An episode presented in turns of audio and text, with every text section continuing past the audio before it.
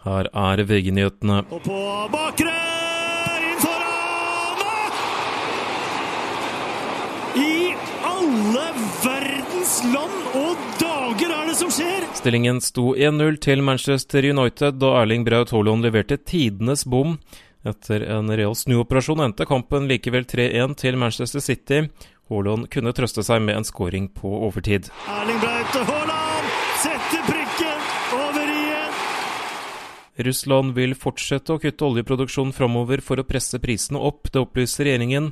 Russland skal redusere produksjonen med 350 000 fat olje per dag i april, og vil redusere ytterligere utover året.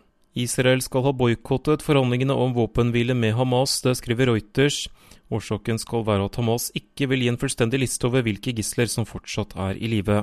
Minst tre personer ble drept da bevæpnede gjengmedlemmer stormet et fengsel i Haitis hovedstad i natt, det melder Ap. Ifølge nyhetsbyrået skal færre enn 100 av de rundt 4000 innsatte være igjen i fengselet. I studio Andre Ødeby, nyhetene får du alltid på VG.